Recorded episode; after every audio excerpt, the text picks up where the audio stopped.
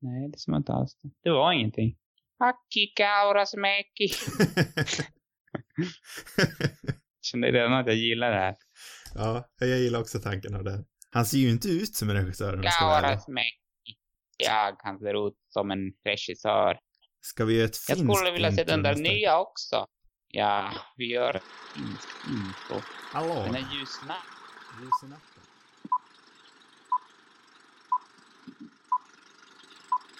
Det är ett struligt inter internet här. Ja, ja, men jag har ju som sagt också det, så vi hoppas att det funkar. Men ska vi försöka få det överstökat då, ifall det blir massa trouble? Ja, det ligger bra början, för det kommer ta tid det här. Du, du tänker så? ja, jag tänker att det kanske tar jättelång tid. Ja, men då kör vi på. Hej och välkomna till ännu ett avsnitt av Radio Rubus. Det här är Filmklubbspodden där vi varje ve vecka pratar om en ny film. För en obestämd genre och era. Hörde du där att jag snubblade lite på orden? Det var nog första gången. Nja, jo, kanske. Men vi behåller det ändå. Självfallet. Och den här veckan ska vi prata om Moln på drift från 1996. Han heter Sam, jag heter Oscar. Den här filmen ska vi prata om i spoiler fantastisk detalj.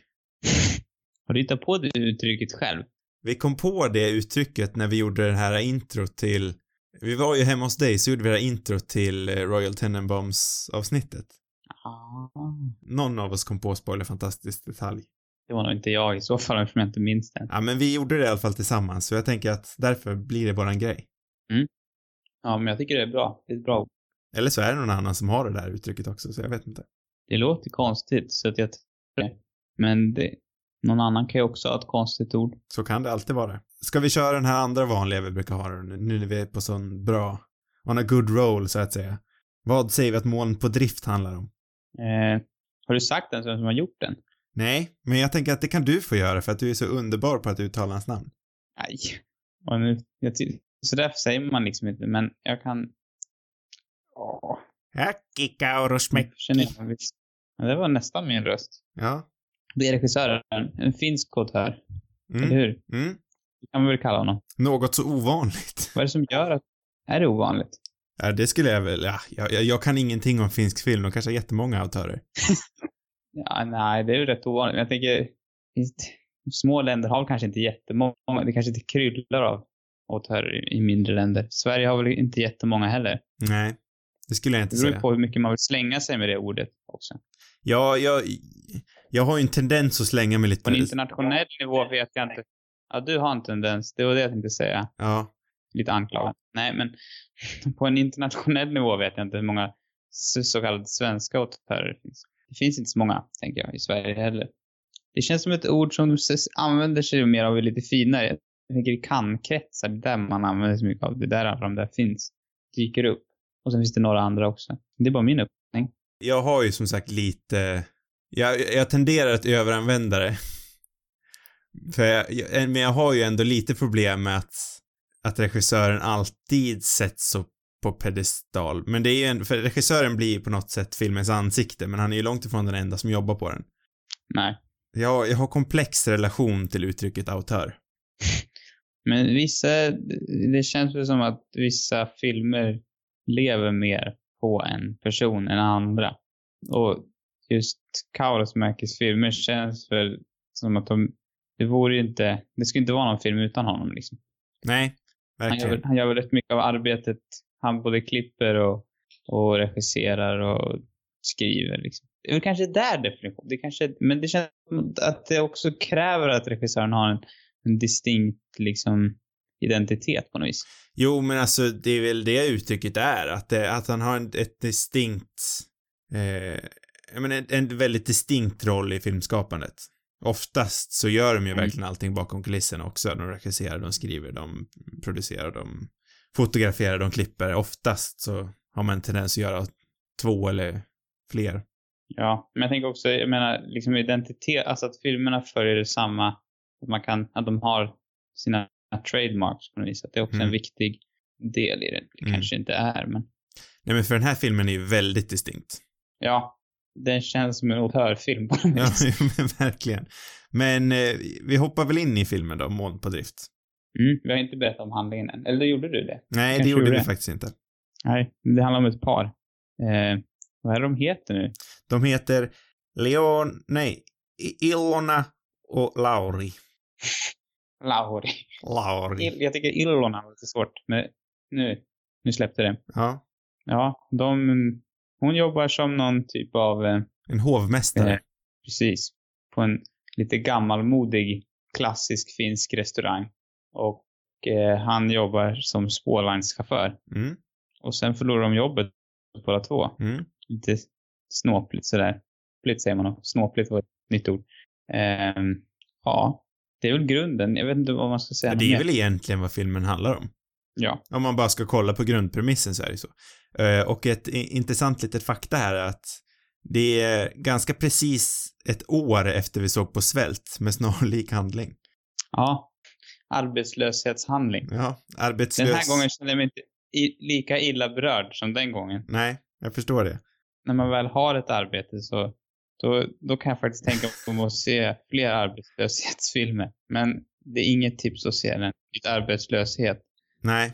Jag tyckte nästan att den här var lite jobbig och jag, jag är ju inte arbetslös.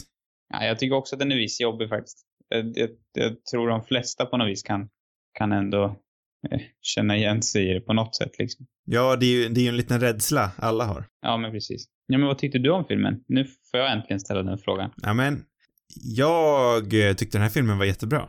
Ja, Eh, det är, så trevligt. man får ju ändå lite tydliga jag är inte någon Roy Andersson-expert, men jag kan ju inte låta bli att dra kopplingar till honom. Eh, Jag har ju sett den här filmen Gilliap av eh, Roy Andersson. Mm. Den utspelar sig också på ett eh, lite annorlunda restauranghak slash hotell tror jag också att den filmen är. Eh, Mm. Så särskilt där i början fick jag otroliga Gilliap-vibbar. Ja, Eh, men det lämnar de ju ganska snabbt här så fort hon blir arbetslös. ja, just det.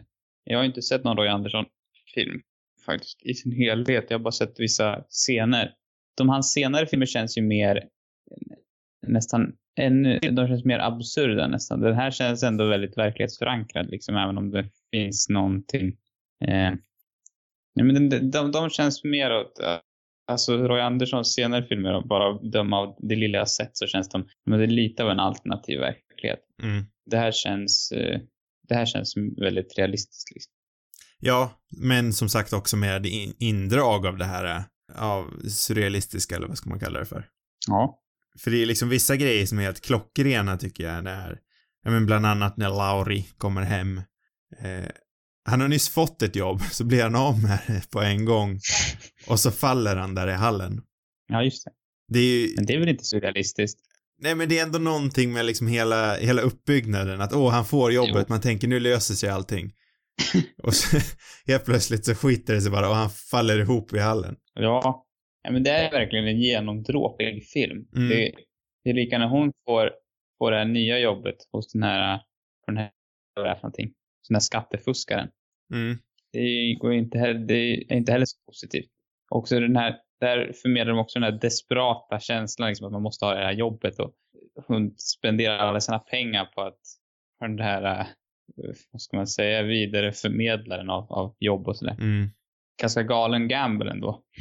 Verkligen. Den ännu värre gamblen är ju när, de, när Lauri satsar 8000 spänn eller vad det är på kasinot. ja. Det blir bättre och bättre tycker jag. Det är också den här reaktionen efteråt. Liksom, den är lika monoton och, och jaha, ja, det var så. Så kan det vara. Och sen är det väl dagen efter som hon, hon berättar för honom, han sitter där och gör korsord och hon berättar att, eh, att de ska bli vräkta. Och han bara fortsätter med, med korsordet. Det är inte så mycket, de tar ändå den här undergången med lugn på något vis.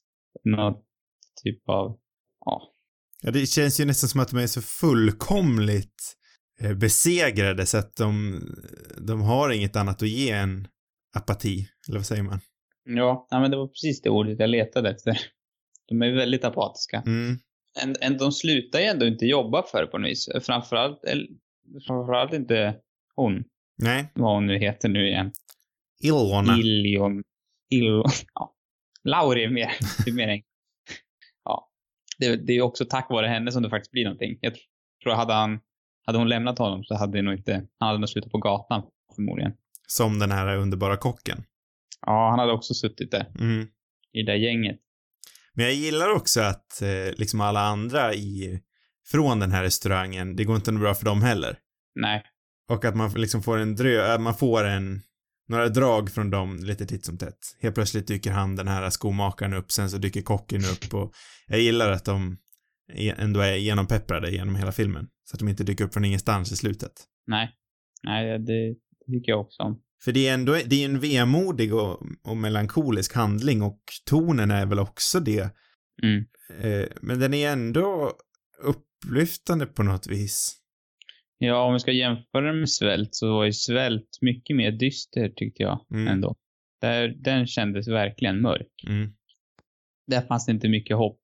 Men här känns ändå som att det löser sig på något vis. Alltså det ordnar sig. Mm. Det kan kanske för att de, de tar emot alla negativa besked med som, ja, utan att reagera speciellt mycket. Det jag, gill, jag gillar ju det hur, hur Kaurismäki, eh, han bygger ju verkligen upp de här, hela tiden bygger han ju upp att åh, nu kommer det gå bra. Nej, nej, det gick inte bra. Åh, nu kommer det gå bra. Nej, okej, det gick inte heller bra. Och sen i slutet, man är så fullkomligt besegrad själv som publik. Så när Mm. den väl får den där restaurangen så blir man ju jätteglad för dem. Mm. Men man väntar ju nästan ändå på att någonting kommer skita sig. Det blir, hela filmen blir på något vis ett perfekt exempel på just den typen av resan man gör om man själv är arbetslös. Mm. Det, är- då är det också väldigt mycket upp och ner liksom så här. Att e, ena dagen kanske man får ett positivt besked, man får respons på någonting eller en intervju eller någonting. Liksom. Och sen så för att dagen efter vara förkrossad igen för att det gick åt helvete.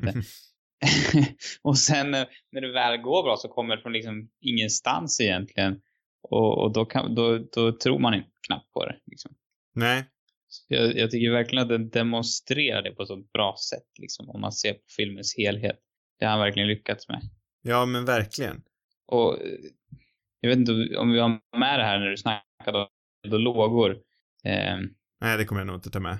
men eh, ja, som du nämnde att, att, att den, den eh, nya svenska filmen Eld och lågor kändes eh, ja, överregisserad eller liksom, jag vet inte hur du uttryckte det. Jo, men överregisserad sa jag. Det kan man väl verkligen inte säga om den här. Nej, inte Den är alls. väldigt sparsmakat regisserad. Mm. han har ju full koll på allting känns det som. Alltså, det, det är inga... Så det känns som att han vet vad han håller på. Men eh, just skådespeleriet och sådär, så är det, det är väldigt liksom återhållsamt. Ja, alltså jag skulle väl ändå, alltså den är ju tydligt regisserad ändå eftersom det är en sån distinkt Kaurismäki-film. Mm. Eh, men jag, jag, först, jag håller ju med dig om, vad- om vad du menar, att den är ju liksom sparsmakt i överflödet. Den kan, det kanske inte det kanske inte är sparsmakat regissera egentligen, det kanske är väldigt mycket regissera även den här, men, men just det han vill få ut av skådespelarna är inte, är inte maten, känslan. Mm. Han vill inte ha någon som står och storbölar och skriker eller, utan det, det, jag tror det lite, känns så naturligt också. Alltså, delvis känns det lite onaturligt också. Man vill ju nästan att någon ska, ska börja skrika någon gång på något vis. Men, Mm. men det är ofta där jag tycker att illusionen bryts i filmer. Att det blir liksom för mycket. Det känns inte verkligt. Liksom. Nu ska de gråta så blir det så övertydligt. Liksom. Ja, nej. Nej, man tänkte ju nästan att det skulle hända efter han blev nedslagen. Mm.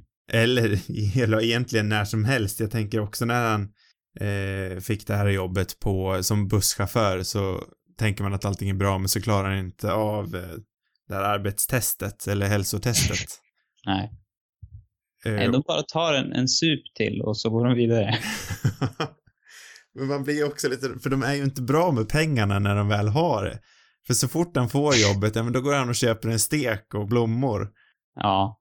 Så man, man blir ändå lite, eh, inte fundersam, men man, man blir ändå lite nervös över tanken att de väl kommer ha pengar. För restaurangbranschen är ju inte jättesäker alla gånger. Nej. Nej, man blir orolig. Det är lika, lite lika som, som eh, svält där också. När man blev liksom provocerad över att han bara skänkte bort pengar till Ja, andra. just det, ja. Det var ju snäppet värre. Mm. Ja, men jag förstår vad du menar för någonting. Eh, men jag, jag håller verkligen med dig om det här att jag älskar att de aldrig börjar bråka. Och han, och han är ju liksom med. I en annan film så hade han blivit rasande när hon gick och bestämde sig att öppna restaurang. Det hade ju varit ett stort dilemma. Han hade varit emot det, men hon ville verkligen göra det. Ja. Men här är det liksom inte en fråga om saken. Såklart hon ska öppna en restaurang, det kommer gå skitbra. Mm. Man får knappt se, hon bara kör. Ja. Som. Sen dyker han upp där. Sen så gillar jag också liksom att de inte behöver förklara så mycket om deras förflutna. De är, man får ju liksom en känsla av att de har varit tillsammans väldigt mycket och jag antar att de hade ett barn som gick bort. Men det sägs ju aldrig rakt ut. Mm. Nej. Så de är ju ett par som har gått igenom väldigt mycket och de har ju en tydlig jargong så man, man uppskattar ju också liksom att se den delen av ett, av ett förhållande som har varit igenom väldigt mycket. De behöver inte skrika till varandra, de förstår vad som händer ändå. Ja, precis. Ja, det, det känns ju också väldigt trovärdigt. Deras, deras kemi på något vis. Mm. Jag skulle vilja prata lite om det här också med eh, eh, fär- färgläggningen i filmen. mm. Väldigt intressant, men jag tycker absolut att det funkar. Eh, I att han bara använder, ja det är väl inte primära färger, eller hur är det? För är grön en primär färg? Nej, det är det väl inte. Det är väl gul, röd och blå. Ja men exakt, han använder sig av grön, gul, blå och röd väldigt mycket i alla fall. De där fyra vanligaste färgerna. Som man får lära sig i grundskolan. Ja, precis. Det är väldigt färgglatt. Ja, de är liksom överallt. Ja, det är verkligen genomtänkt scenografi liksom. Det, det, jag tycker verkligen om den. Ja, jag förväntar mig liksom när jag åker till Finland, jag har aldrig varit där, men när man väl åker till Finland då vill jag ju att det ska se ut så här, annars kommer jag bli jävligt besviken. Ja, det är så. Verkligen så. Allt ska se ut som en Kaurismäki-film. Ja. Ja, det, ja, jag köper det. Jag, jag tror inte att det kanske... Du kommer bli besviken förmodligen, men Har du varit i det Finland? vore fint. Nej, Nej. man vet ju väldigt lite om Finland.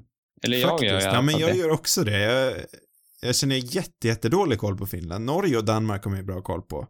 Men där var man hyfsad ändå. Ja, Men Finland vet man får inte, man tar inte del av sett mycket finsk kultur heller. Inte Nej. för att jag kan säga att jag tar del av jättemycket norsk kultur eller dansk heller. Men dansk känns ändå som att man har lite bättre koll.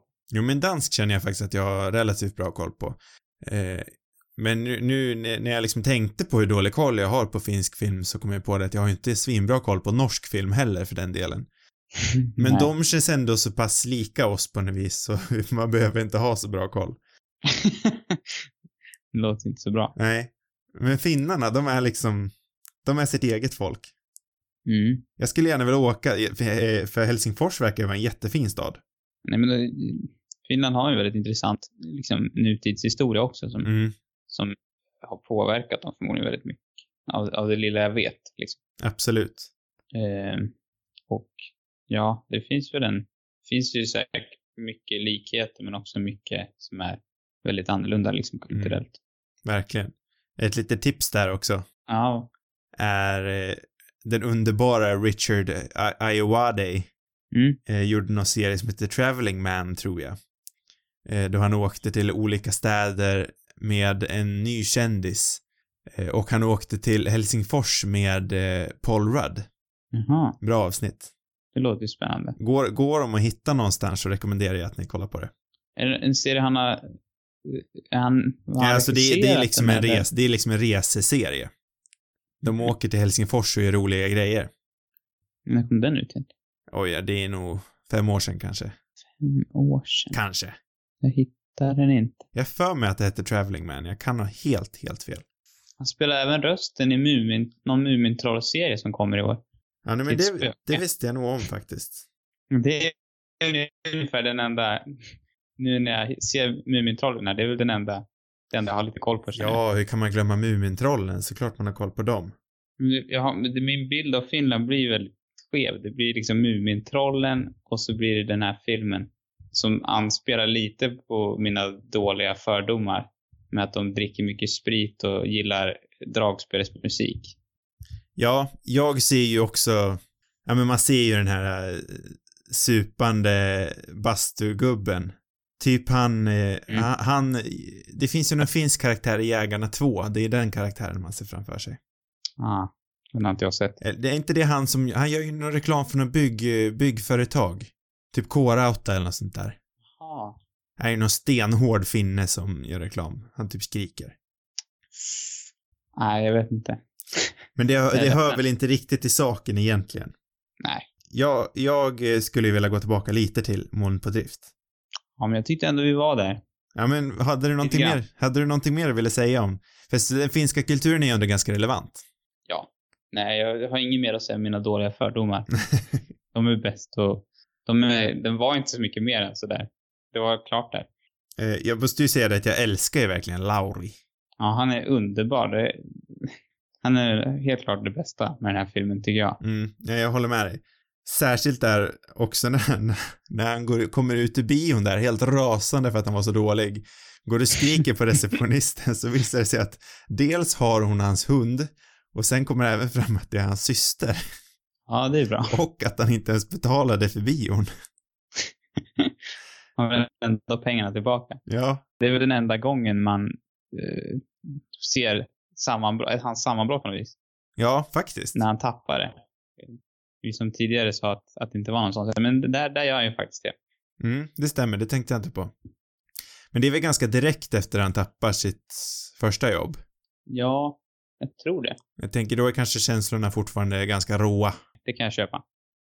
Ehm, jag vet inte, det här när han liksom faller ihop som en fyra kanske också är något typ av sammanbrott ändå. jo, visserligen. Men det är sammanbitet. Ja, det är det. Det är strångt. Inga känslor. Nej, känslokallt. Sen så är jag ju, när vi väl snackar om vår, kärle- om vår kärlek till Lauri, så måste jag säga att jag älskar hans, hans läderjacka. Mm. Det är ju till och med en sån här, liksom, det är två grymma läderjackor med. Och eh, de möts ju där i en, i en, i en match kan man säga. Du får påminna mig om den andra. Är det restaurangägaren? Ja, det är han den där, vet du det, som inte riktigt följer skatte... Nej, precis. Han har ju också en, den är lite fulare dock. Den är också brun, va? Mm. Mm, Den känns lite mer sjaskig på något Mm. vis. Lite mer B. mm. Jag Ja, skulle den inte bära den. inte lika bra som Lauris. Nej. För Lauris, den är lite så här lagomt oversize också. Mm, mm, Men den ser samtidigt lite varm och mysig ut. mm. Han känns som en väldigt varm och mysig person fast han ändå är så, så stram i sina känslor. Ja, alltså, för man, man får väl ändå känslan av att jag är, väldigt, jag är väldigt nyfiken av att se hur de, hur de hade det innan barnet dog. Ja. För visst, visst måste det vara så att de hade ett barn innan? Det är inte jag som läser in för mycket va? Jag vet, jag tänkte inte ens på det faktiskt. För hon står, när han går ut någon gång och ska leta jobb, då så står ju hon vid en bokhylla och ser väldigt bekymrad ut. Mm. Och bredvid hennes huvud där så är det en svartvit bild på ett barn. Aha.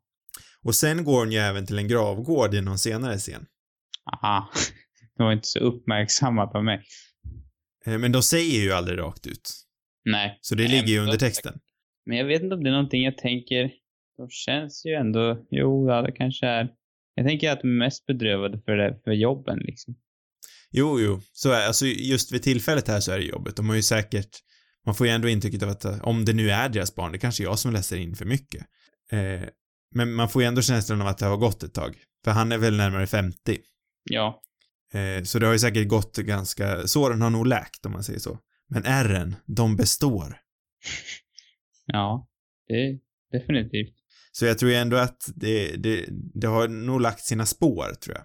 Det hade Mm. varit intressant att se hur de var innan det hände. Ja. Ja. Då kanske de var liksom alldeles superlyckliga och glada och mycket musik och glädje och rosor och Ja, för han är ju ändå sådär, så fort någonting bra händer, då kommer han hem med rosor. Ja, det är fint Alex. Ja, det är ju lite gulligt av honom. Lilla Lauri.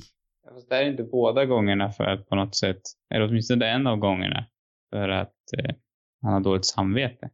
Är det så? Jag kommer, den jag kommer ihåg tydligast länge. Vad sa du? Efter han får stryk där så är han ju borta väldigt länge. Mm. Ja, men den ena av gångerna, då kommer han hem med rosor för att han har fått jobb.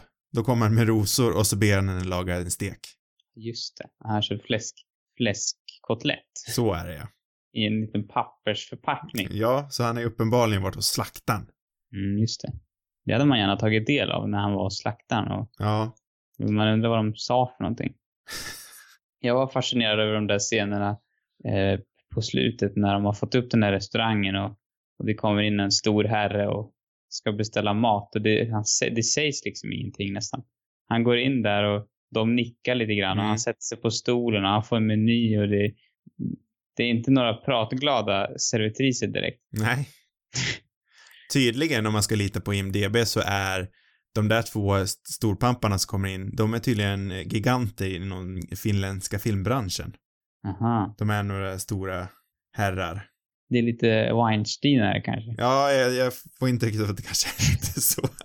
Utan att lägga, ja, det otrevliga skulden på dem. Men de, ger, de, de ser ju lite Weinsteiniga ut. Mm, Åtminstone den första. mm. Jag vet inte hur den andra Weinstein ser ut faktiskt. Ja, han är lite mindre och lite krulligare hår har jag för mig. Mm. Så jag kan, jag kan se den, den liknelsen. Hur går det för hans bror egentligen? Du, det vet är jag lika- inte. Är han en lika stor gris han också? Det har jag faktiskt inte en aning om. Han blev väl lite, jag har en känsla av att de inte kommer så bra överens de där två bröderna, för jag tror att store Harvey, han, han sparkade nog ut sin bror lite. Jaha. Jag kanske läser, det här kanske jag också läser in för mycket, men det är det intrycket jag har fått. Det är mycket möjligt. Han känns som en... Det känns som att Harvey kör över de flesta. Mm. Men inte något mer. Inte mer. Och det, Nej, vi- vi- Ja. nej, Nej. kör vidare. Inte mer. Nej. Jag tänkte att du skulle komma med något härligt tal där om varför Weinstein ska brinna i helvetet eller någonting. Men det kom inget sånt. Nej, tyvärr. Nej. Han, han borde göra det, absolut, men det kommer inget sånt tal. Jag tror du hade ett, men du, du kom av det lite grann. Ja, lite. Vi kan återgå till filmen kanske. Mm. Eh, ja, nej men Weinstein var tyst. Han var tyst i filmen. Och eh, ja, jag vet inte vad det ja, jag vet nej, vi kanske ska gå tillbaka till Weinstein ändå för att jag hade inte mer om den där scenen att säga. Nej. Nej, jag, Jag skulle vilja gå eh, till motsatsen av det du pratar om. Jag skulle vilja gå till början. Mm. Eh, för det är ju en rejäl liksom tonsättare ändå. Eh, bruk, vi brukar ju prata ganska mycket om musik i film Mm. och här tycker jag det fungerar otroligt väl. För oftast så brukar jag ändå tycka att liksom ett öppningsnummer med musik fungerar otroligt väl som stämningssättare. Mm. Och här, nu vet jag inte vilken låt den är, men här så är det någon så här, lite salongsig, eh, något pianostycke. Lite Mm. jazzigt. Mm. Eh, och det sätter ju stämningen otroligt. Man blir ju lite den här sömniga, liksom hänger med på de här två, eh, ut och skaffa jobb. För den är, Ja. den är ju inte jätte, liksom, eh, jätterapid. Nej. Den är ju Nej. lite lunkande. Och det är den sinnesstämningen man vill vara i. Mm. Eh, och sen, men sen klipper de direkt efter det till den här, det känns ju väldigt Roy Andersson tycker jag, den här scenen i köket. Med den Ja, alkoholiserade kocken. Ja, den är, den är faktiskt lite, den är ju mer absurd. Mm. Jag hade faktiskt velat sett lite mer av det. För jag tycker mest, eh, jag saknade lite, jag hade haft lite mer absurda scener tror jag. Jag hade förväntat mig mer galenskap. Den Mm. här är ganska, eh, realistisk och ogalen egentligen i det stora hela. Mm. Nej, mer av det. Ja, men den har ju ändå lite av det här eh, som vi snackade om eh, för två veckor sedan nu. Eh, Det här lite lynchiga, Coeniga med, med väldigt färgstarka biroller. Ja, Eller bara statister i allmänhet, för jag tänker där i slutet till exempel när, när de håller på och bygger köket eller bygger restaurangen. Den ena Ja. av de snickarna där är ju liksom tre meter lång. påminner faktiskt om jätten i Twin Peaks. Ja, det är fullt möjligt. Nej, men jag tycker, jag tycker den här filmen har lite av de dragen. Mm. Eh, att världen liksom byggs upp av väldigt färgstarka, eh, annorlunda men spännande karaktärer. Ja. Ja. Det är, vär- man köper ju världen. Den, den är ju genomarbetad liksom. Sen kan jag väl, jag vet inte. Jag var ändå lite uttråkad måste jag tyvärr säga. Men det var det? ja, jag var inte riktigt nöjd. Nej. Jag tyckte den var lite seg. Mm. Ehm, jag vet inte varför riktigt. Eller ja, men den är ju rätt seg liksom. Men är man, det beror lite på om man är in the mood liksom. Jo, så är det ju säkert. Eh, jag gillade faktiskt den här. Jag gillar alltid filmer låter det som. Ja, men jag får att det var nyligen som jag, du tyckte en film var seg och jag tyckte den var angöra en brygga kanske. Ja, precis, just det. För jag vill, jag vill ju inte framstå allt för, allt för godhjärtad. Nej, då, då satte du stopp. Då sätter jag stopp. Nå fan är jag lika cynisk som någon annan. Om inte mer. Ja. Nu var du, den här var du tvungen att gilla. Annars hade det varit liksom för många filmer du borde gilla som du inte gillar. Nej, men den här gillade jag faktiskt verkligen. Och jag gillade förra veckans film också. Det är jag som har varit neggig på sistone. Men jag tycker inte alls att den här filmen är dålig. Men den, Nej, men det förstår jag. Man kan ju ha blandade känslor. Ja, den var lite seg bara. Ja. Jag har inte egentligen någon, någon bra anledning alltså, till varför jag inte älskar den. Men Nej. Nej, men det är ju en seg film, det köper jag ju absolut. Men oftast är det ju så med såna här sega filmer att man måste vara lite i rätt sinnesstämning. ja, och det faller också ganska mycket på liksom, smak bara om man, Mm. om man, om man känner sig engagerad i, i, i karaktärerna. Det gjorde jag väl ändå delvis, men ja, jag vet inte. Men jag tycker ju verkligen att det är väldigt skickligt av Kaurismäki att han ändå håller den här, att han håller publiken igenom den här otroligt galna tonen. Otroligt galna tonen. Mm. Ja, det är väl att den skulle vara mer galen. Jag tycker inte den är så galen. Jag tycker den är jätte... har- Galen är väl kanske fel ordval egentligen, men den här otroligt eh, ojämna tonen kan man ju säga, men ojämnt antyder ju att det är dåligt, för det tycker jag inte att det är, men den är ojämn på ett väldigt bra sätt. Den vacklar ju liksom från absurt till väldigt seriöst till roligt. Mm. Ja, Jag tycker det är väldigt skickligt att han håller den. håller tonen. Ja. Jo, men absolut. Det, det, det tycker jag också. Det här är ju lite som en, en wailing. Hade han varit, hade Kaurismäki varit en sångare så hade han varit en otroligt skicklig, skicklig wailare. Ja. Jag gillar inte wailande så mycket. Jag kan Kan ingenting om det. musik, vi lämnar det. Nej, det var, jag, det var inte... Jag vet inte om det är meningen att man ska... Om det är ansett som bra att man är en skicklig wailare eller så. Nej, inte jag. Wailing känns, an, tänker jag är väldigt lat. Jag tänker att kan man inte hålla en ton, då wailar man. Aha, det Det- så det Säger jag utan att veta någonting. Så jag kanske, tänker- jag kanske nyss sa att Kaurismäki var dålig. Jag tänker att det är någonting man gör på en Idol-audition. Ja, men Man då tänker jag, är man inte säker nog på sin egen röst, som en osäker 17-åring som går in på Idol, då wailar man mycket för att dölja det. Ja, precis. Lite så kanske. Att man... Ja, det var en konstig liknelse. Ja, nej. Fast jag förstod den ändå vad du menade. Att den går liksom lite upp och ner som Ja, en våg på Ja, något vis. I intensitet och att den är lite absurd men ändå realistisk. ja. Om, det, om vi säger att Pavarotti skulle waila, Mm. så har vi ungefär en ganska bra liknelse till Kaurismäki. Oj, oj. Spännande. Ja. Ja, nej men eh, jag förstår vad du menar tror jag. Mm. Jag hade hoppats på lite mer absurt eh, på något vis. Jag hade, när man hade sett lite bilder från den och den här eh, fräsiga färgpaletten och, och sådär. Mm. Så tänkte jag att det skulle bli mer tokigt. Han var, han var väldigt inspirerad också av eh, eh, Godard, tror jag. Ja, det köper jag absolut. Eh, han till och med, jag tror att han hade skapade, hans brorsa är också filmregissör. Ja, jag såg det. Eh, och tillsammans, deras produktionsbolag tror jag heter, vad hette det nu? Vill Alpha tror jag. Som en referens till Godards eh, Alphaville. Mhm. Och eh, så jag hade hoppats lite mer, lite mer Jean-Luc Godard. Han är lite mer galen. Fast det finns, finns förstås mer, mer icke-galna filmer av honom också. Jag vet inte. Jag är lite intresserad av, eh, om vi ska snacka om Kaurismäki i allmänhet. Jag, ska jag vara helt ärlig så hade jag aldrig hört talas om Kaurismäki innan. Nej. Men hans karriär verkar ju väldigt intressant, för jag läste någonting om att han flyttade till Portugal för att han kände att han hade visat allt han kunde från Helsingfors. Men det verkar ju som att han numera gör filmer som är fransktalande. Ja, han har väl gjort, eh, han har gjort någon engelsktalande film också. Så jag vet inte riktigt vart han... Bor han i Frankrike eller vart är han? Jag vet inte. Tydligen så sa han efter den senaste filmen att det var den sista han skulle göra. Trots att det är del två i en trilogi. Jaha, är det så? Ja, det var så jag... Jag tyckte jag läste något citat om att det skulle vara en, en tvådelad trilogi. Okej. Ja, det låter intressant. Mm.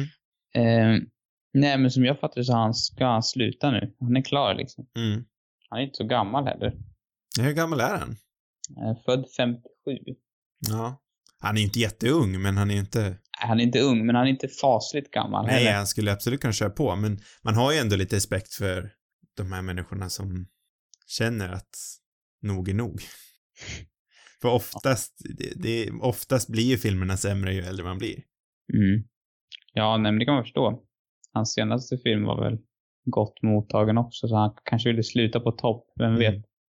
Sen har man ju också lite, lite respekt för en man som har balle nog att säga nej till en Oscarsnominering. Mm. Ja, han är ju rätt politisk, Mm, kan man väl minst säga. mm, Nej, det är det som jag tycker är lite spännande med honom. mm. Ja, Jag hade verkligen velat sett någonting nyare också för att se hur hans, jag vet inte vart, vart i hans filmografi kommer den här? Är det väldigt här- tidigt eller är det någonstans i mitten eller? Det här är väl någonstans i mitten, skulle jag säga. Okej. Han slog väl igenom, eller han, tror han slog igenom i slutet av 80-talet, alltså när han fick kanske lite mer internationell uppmärksamhet. Mm, Hans första film är från 84 tror jag, mm. eller något sånt där. Ja, men det har han på i 12 år ungefär. Jag tänker hur pass mycket hans stilistiska drag har utvecklats. Ja, det vore intressant att se. För den känns ju ändå, den, det, man får intrycket av att den här filmen inte har jättehög budget. Nej. Men det gillar jag också, att den känns lite sjabbig sådär. Men det det känns ändå, alltså det är ändå, det är rätt mycket scenografi och sådär. ja visserligen. Det är inte, Men den är ju lite sjabbig med flit också. Det är ju en sån värld de befinner sig i. ja, eller sjabbig vet jag inte om jag tycker, men ja, ja jo kanske. Oavsett så tycker jag det skulle vara ganska intressant Det är inte som att se någon så här, äh, liksom, eh, dansk 90-talsfilm. Ja, du tänker någon, någon Dogma 95-film? Ja, precis. Ja, nej, så är det ju inte. Absolut inte. Den känns ju väldigt, den känns traditionell på något sätt. Mm. Men eh, det jag försöker komma till är ju att det hade varit intressant att se vart, hur han är nu när han ändå har utvecklats, ja men 20 år framåt. Hur mycket har hans stil utvecklats? Är han ännu mer stilsäker nu? Jag vet inte. Alltså, jag, min känsla är att han, han är, jag tror inte att han går liksom till det, och det man har sett från andra filmer så känns det som att han följer ungefär samma stil som han gjorde redan här. Mm. Eh, han känns liksom ganska säker på vad han vill, hur han vill att hans filmer ska se ut och han, eh, jag tror han själv ser sig som ganska, jag tror inte han är någon bombastisk typ som, som vill liksom jag vet inte, om man ska jämföra med Wes Anderson som jag ofta gör så han har ju på något sätt utökat, det blir bara mer och mer bombastiskt för varje film egentligen. Det känns som att eh, Kaurismäki på, något vis har nöjt sig där medel, mitt emellan på något vis. Eller så här, jag tror inte att han, han har samma, samma utveckling så. Det är ganska små filmer ändå han har gjort tror jag, alltså på, på en ganska liten, eh, det är inga storslagna filmer utan Nej. det handlar om, det är, ett, det är några stycken skådespelare och det är en ganska enkel handling liksom. Jo, men det gillar jag. Alltså jag älskar ju en, ändå. Jag tycker också det. Jag, han är också en som följer det här med 90 minuter är Mm. mer än tillräckligt. Mm. Jag tror han inte har gjort någon film som är längre än så. Eller han har uttalat sig någon gång om att liksom en och en halv timme är mer än tillräckligt. Och det är någonting jag verkligen respekterar också, för det är ju en otrolig konst i bara det. Jag tycker också det. Eh, Den här filmen hade ju, även om jag tyckte den var lite tråkig ändå så, så jag tror att den, om det hade varit ännu längre så hade, det hade, många filmer är liksom långa i onödan bara. Mm. Eh, bara smetar ut en, en egentligen okomplicerad historia på lång tid. Det finns liksom ingen, ingen nytta med. Han, han lyckas ju berätta det han ska och förmedla det han ska på den här tiden. Ja, exakt. Han behöver inte stanna över, stanna över sin tid. Alls. Nej. Men då kan vi väl gå vidare till att prata om vad vi ska se på till nästa vecka. Jag hoppas du väljer någonting som är liksom riktigt så här pangigt. Okej, ja, men då, jag hade ju två att välja mellan, men nu satte du, nu Jaså? satte du vilken det blev. Jag, tänk, jag tänker att vi nästa vecka ska prata om Dawn of the Planet of the Apes från 2014. Mm. Eller Apornas planet Uppgörelsen som den faktiskt heter på svenska. Det är lite av en personlig favorit hos dig. Det är det verkligen. Jag tycker det är, eh, om inte den bästa, bland de bästa blockbusterfilmerna som har kommit ut under 10-talet, som vi kanske ska, kanske ska kalla det för. Mm. Eller när kom Inception ut? Var det 10 eller 09? 10 tror jag. Ah. Ja, men den, är, den ligger där uppe med Inception för mig. Mm. Eh, så den ska vi kolla på till nästa vecka. Det blir en helt annan grej. Ja, det var, vi, jag snackar få blockbusters måste jag säga. Jag tänkte på det idag. Ja, nu får du, nu får du fan vara nog med det här liksom tramsiga långsamma, gamla. Vi kanske borde ha en riktig blockbuster-månad och bara liksom dunka skiten i. Så man blir av med den här trötta februari månaden. Ja, men jag tror det. Man blir liksom lite, man vill bli lite mer eldig i, Ja. ja. Ja, det är bra. Nej, men så vi ska se på Apornas planet, uppgörelsen från 2014 till nästa vecka. Ja. Sen så är det ju fortfarande så här nu, alla ni kids där hemma, att vi har sociala medier. Både Instagram och Twitter. Där heter vi Cinemarubus. Sen så har vi en mailadress som heter cinemarubus.gmail.com. Där kan ni skicka in frågor och förslag till en film som vi kanske ska se på. Sen har vi en hemsida också, den heter cinemarubus.com. Där hittar ni alla avsnitt från våran podd. Eller så hittar ni det på appar och sånt där, annat modernt, där ni lyssnar på poddar. Sånt där jävla modernt. Finns det något omodernt sätt att lyssna? Ja, men det är väl ändå att gå in och lyssna på hemsidan, tänker jag. Mm, jo, det är nog det mest omoderna. Men det var väl allting jag brukar säga, tror jag. Ja. Så god natt på er allihopa. God natt.